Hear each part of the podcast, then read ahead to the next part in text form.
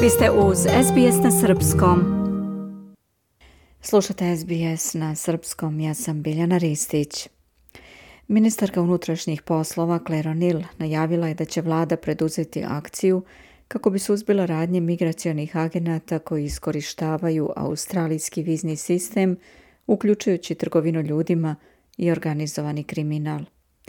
Nove mere su u skladu sa preporukama istrage o zloupotrebi migracionog sistema zemlje koja je otkrila groteskne zloupotrebe sistema, pišu Pablo Vinjales i Chiara Hein za SBS News.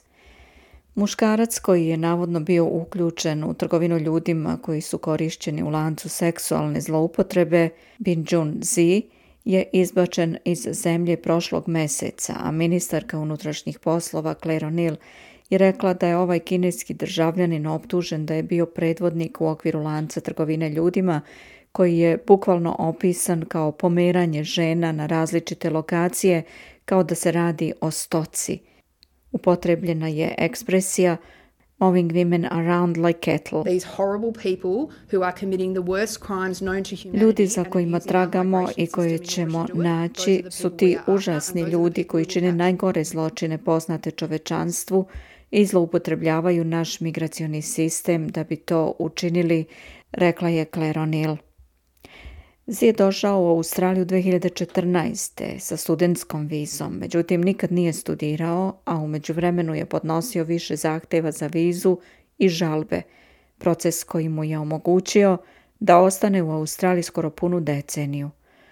Što u ovom slučaju, kaže ministarka O'Neill, simbolično predstavlja niz problema koji postoje u okviru migracionog sistema Australije. So what does the Nixon review tell us about Australia's migration system? It tells us that we have serious and systemic problems with abuse in our migration system. Šta nam izveštaj koje je podnela Christine Nixon govori o australijskom migracionom sistemu? Kaže nam da imamo ozbiljne i sistemske probleme sa zloupotrebama u okviru našeg migracionog sistema.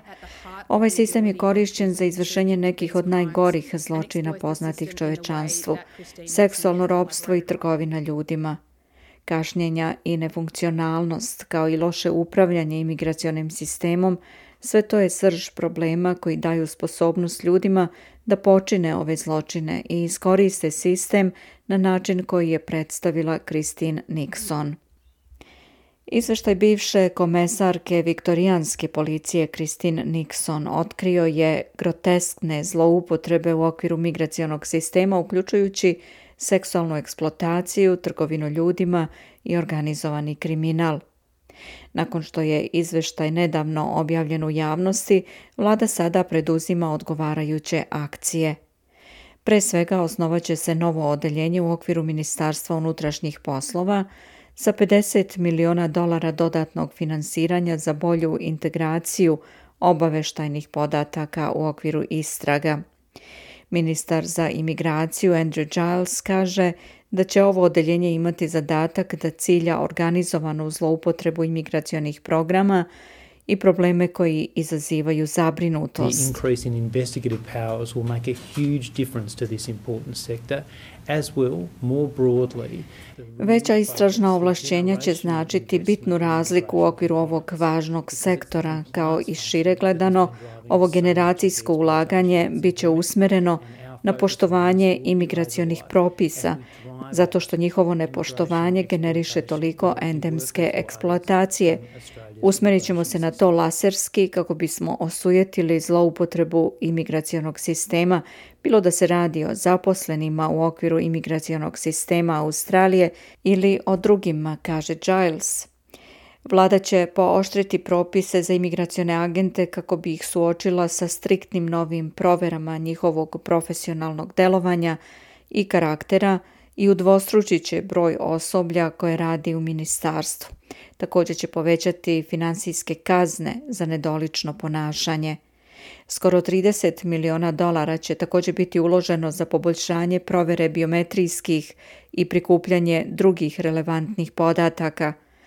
Vlada će operaciju Inglenook, koja je pokrenuta prošle godine za ciljanje ljudi koji iskorišćavaju vlasnike privremenih viza, sada učiniti trajnom a u najozbiljnijim slučajevima u okviru novih ovlašćenja čak mogu da se ukinu vize. Ministarka O'Neill kaže da su ovi problemi rezultat nedostatka brige i pažnje prethodne vlade. One of the great frauds in Australian politics, Peter Dutton made a career out of pretending to be a tough guy Jedan od velikih prevaranata u australijskoj politici, Peter Dutton, napravio je karijeru pretvarajući se da je žestok momak delujući na granicama zemlje, a dozvoljavajući kriminalcima da se infiltriraju u ovaj sistem na način koji opisuje Christine Nixon. Sada imamo sasvim drugačiji pristup. Pred vama su dva ministra koji su akutno svesni veoma značajne odgovornosti koju imamo za pravilno upravljanje ovim sistemom, rekla je O'Neill. Međutim, iako ministarka O'Neill kaže da je vlada primila izveštaj koji je sačinila Christine Nixon u martu, opozicioni lider Peter Dutton doveo je u pitanje tajming. We, on a record basis, Mi smo na osnovu evidencije koju posjedujemo ukinuli vize kriminalcima koji su počinili seksualne delikte i druge ozbiljne prestupe protiv Australijanaca. Dakle, ako mislite da ću dozvoliti da mi Claire O'Neill i Anthony Albanizi drže predavanja u vezi sa migracijama i kako da sačuvamo našu zemlju, grešite i treba dobro da razmislite o svemu, rekao je on, pišu Pablo Vinjales i Kjara Hein za SBS News. Ja sam Biljana Ristić.